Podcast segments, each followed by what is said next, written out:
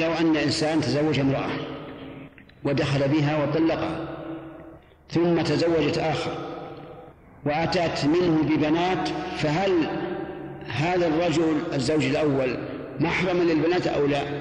فالجواب هو محرم سواء أتت منه بولد أو لم تأتي لأنهن يدخلن في قوله تعالى وربائبكم اللاتي في حجوركم من نسائكم اللاتي دخلتم بهن فإن لم تكونوا دخلتم بهن فلا جناح عليكم.